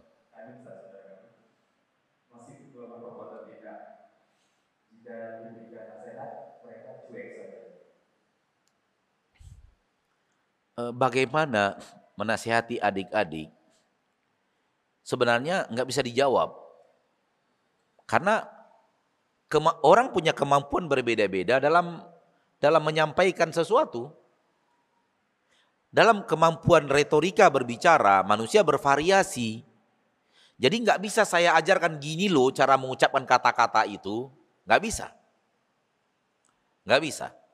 Tapi saya hanya bisa memberikan saran, tunjukkan kepada adik-adik itu, kita peduli kepada mereka, kita sayang kepada mereka, kita mencintai mereka, kita berbuat ikhlas kepada mereka, kita kita dermawan kepada mereka, tunjukkan bahwa kita nampak kita mencintai mereka.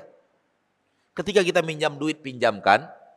Ketika mereka minjam duit, kita pinjamkan. Ketika mereka sakit, kita jenguk, kita bayarkan biaya rumah sakitnya. Ketika ketika seperti itu terjadi, maka adik-adik itu akan gampang mendengarkan nasihat kita.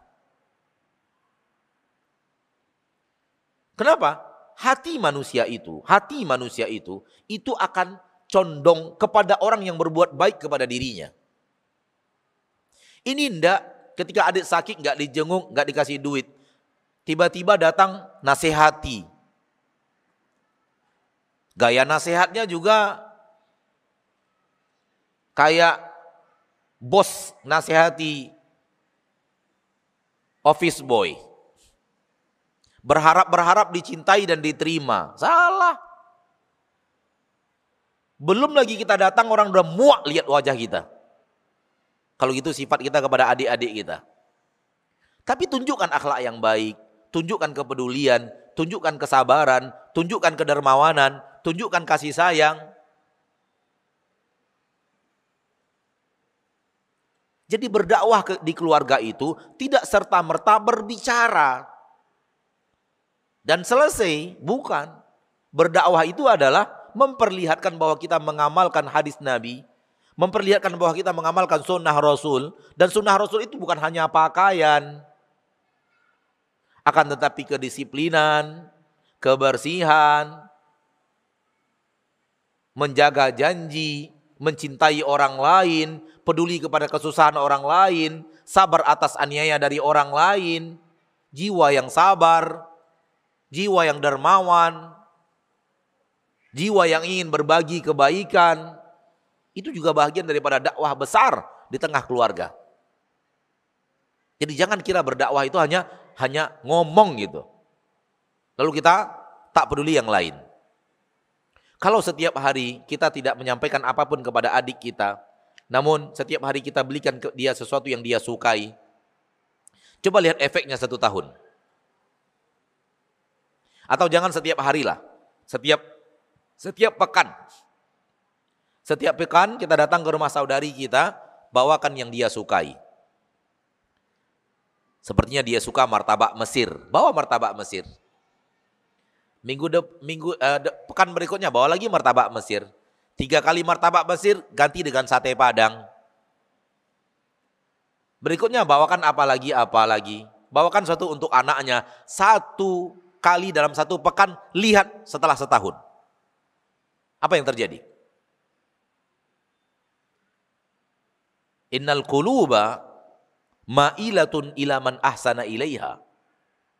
Hati manusia condong mencintai orang yang berbuat baik kepada dirinya. Niatkan semua itu lillah karena Allah dan itu lebih baik daripada Anda tidak melakukan itu namun setiap pekan datang menceramahi, menggurui.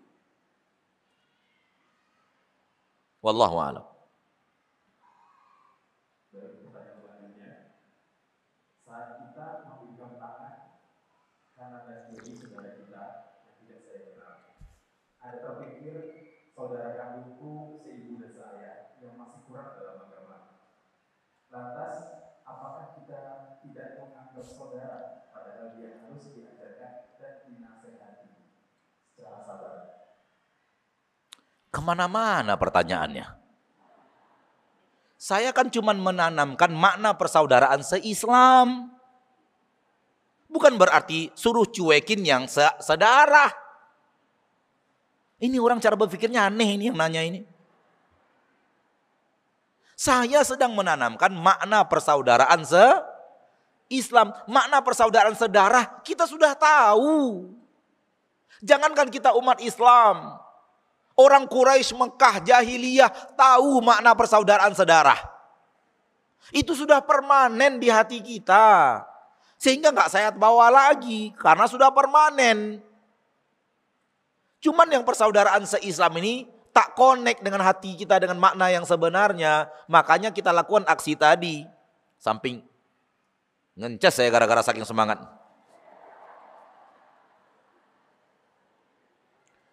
Ini orang ke mana sih cara berpikirnya gitu loh. Kok seolah-olah saya meremehkan saudara saudara sedaging, saudara saudara? Enggak. Bukan meremehkan. Namun tadi dalam bab me, me, me, mencoba untuk memahami apa itu saudara seiman. Atau ada kata-kata saat tadi yang salah, seolah-olah cuek, jangan pedulikan saudara-saudara gitu. Insya Allah rasanya enggak tadi.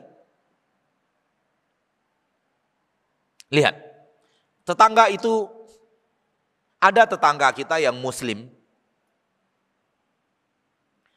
sedarah, maka dia punya tiga hak atas diri kita. Haknya sebagai muslim, haknya sebagai saudara, haknya sebagai tetangga.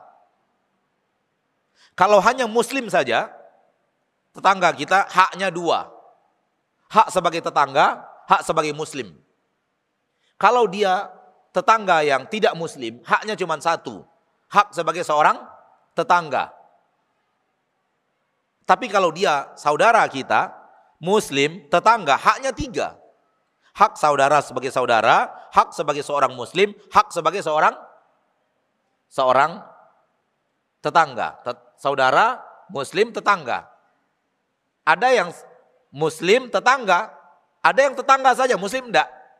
Artinya apa? Tetap saja yang sedarah itu didahulukan.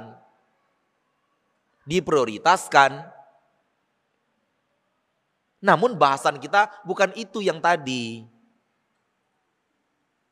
Kita sedang ingin membongkar kelemahan kita yang bertahun-tahun akan makna persaudaraan dalam agama Islam. Bukan berarti cuekin. Semakin dekat seseorang dengan diri kita secara tali darah sudah harus lebih kita perhatikan dari yang tidak dekat. Sampai tadi, saudara sedaging, saudara sedarah sakit, saudara seiman tidak sedarah sakit. Mana yang didahulukan? Saudara sedarah dahulukan. Wallahu a'lam.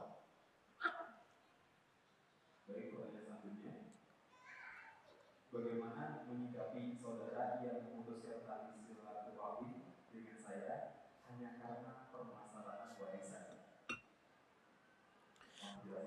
Kata Allah, jangan putuskan tali silaturahim. Kalau ada yang memutuskan, kita berusaha menyambung. Begitu.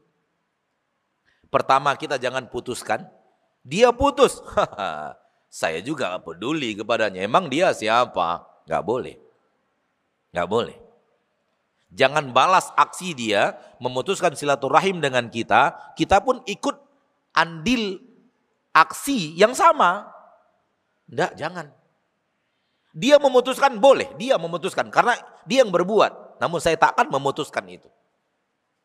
Dan tali persaudaraan sedarah takkan putus sampai kapan pun. Persahabatan bisa putus, bisnis bisa putus, pertetanggaan bisa putus, kasih sayang bisa putus, namun tahu persaudaraan sedarah takkan putus sampai dunia kiamat. Gimana mutusnya coba? Oleh karena itu Allah sangat benci kepada orang yang memutus tali persaudaraan sedarah. Itu namanya memutus silaturahim. Silah hubungan, rahim, rahim. Rahim seorang wanita. Artinya antara saya dan dia ada hubungan rahim. Saya dan dia berasal dari rahim yang sama. Itu namanya silaturahim. Adapun dengan saudara sesama muslim yang tidak sedarah itu namanya persaudaraan, bukan silaturahim. Kita kadang memakai kalimat silaturahim untuk persaudaraan. Ke mana? Rumah saudara saya. Dia berasal dari Sun, dari dari Jawa Barat orang Sunda yang dia dat, yang dia datangi orang Sulawesi misalnya. Orang Bugis. Ke mana ke rumah saudara saya? Ngapain? Silaturahim. Ini salah salah kata-kata. Silah hubungan. Rahim, rahim. Rahim seorang wanita. Maka itu bukan silaturahim. Itu adalah silatul ukhuwah. Menjalin persahabatan menjalin persaudaraan yang ada dalam hadis dalam ayat tadi. Namun kadang kita menamakannya silatur silaturahim. Saya mau datang ke Pekanbaru ke rumah Ustaz Maududi ngapain? Mau silaturahim. Anda kan orang Bugis, saya orang Padang. Dari mana rahimnya datang? Gitu. Jadi saya ingin mengatakan bahwa kalimat silaturahim sekarang sudah dimaknai salah. Keliru. Dan kita menggunakan persaudaraan se-Islam dengan kalimat silaturahim. Padahal silaturahim khusus dengan saudara sedarah. Wallahu alam. Baik, pertanyaan selanjutnya.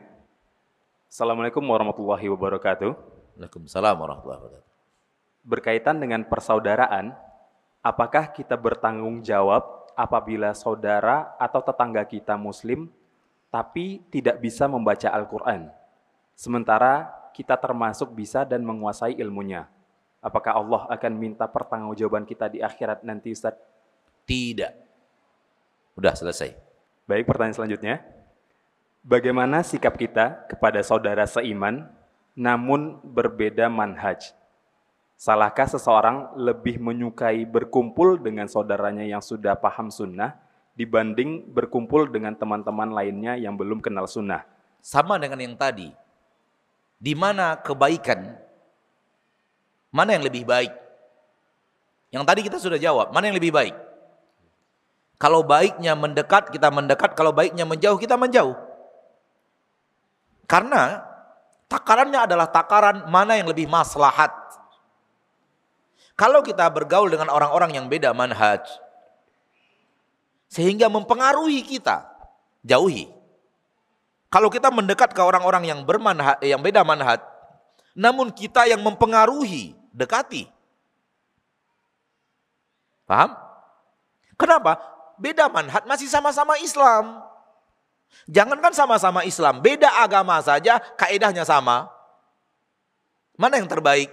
Terbaik menjauh menjauh, terbaik mendekat mendekat.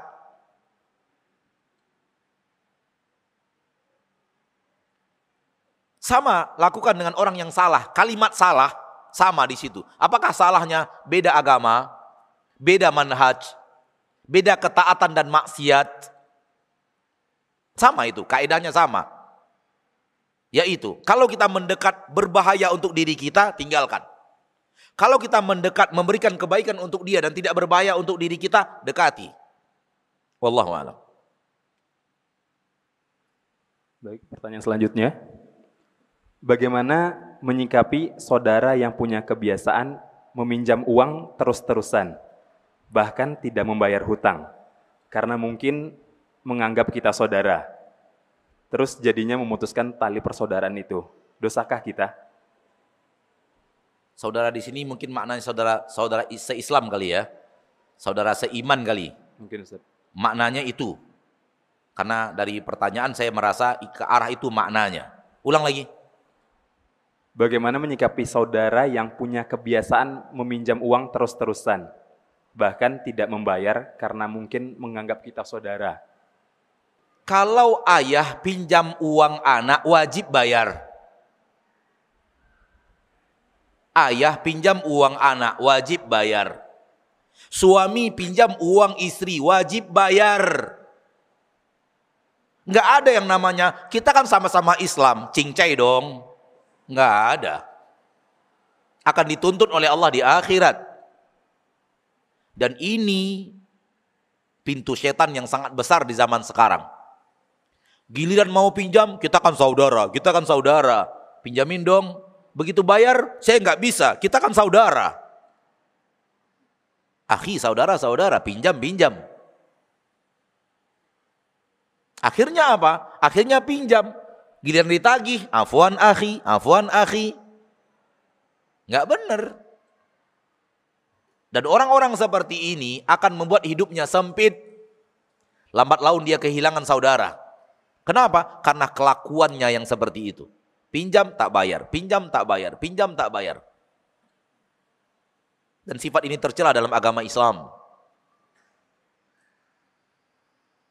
Wallahu a'lam. Nah. Sampai di sini pertemuan kita pada kesempatan yang berbahagia ini. Semoga Allah tabaraka wa taala menjadikan kita hamba-hambanya yang senantiasa berusaha mengamalkan sunnah Nabi sallallahu alaihi wasallam, memahami maknanya dengan baik dan benar dan mengamalkannya dengan baik dan benar. Kita berdoa kepada Allah agar Allah membimbing langkah kita ke jalan yang Dia ridhoi dan Dia cintai. Semoga kita diwafatkan di atas husnul khatimah dan semoga Allah tabaraka wa taala mengampunkan dosa dan kesalahan kita pada saat kita dihisab di yaumil mahsyar Semoga Allah kuatkan kaki kita ketika sedang melintas di atas sirat. Amin ya rabbal alamin. Subhanakallahumma wa bihamdika asyhadu an la ilaha illa anta astaghfiruka wa atubu ilaik. Assalamualaikum warahmatullahi wabarakatuh.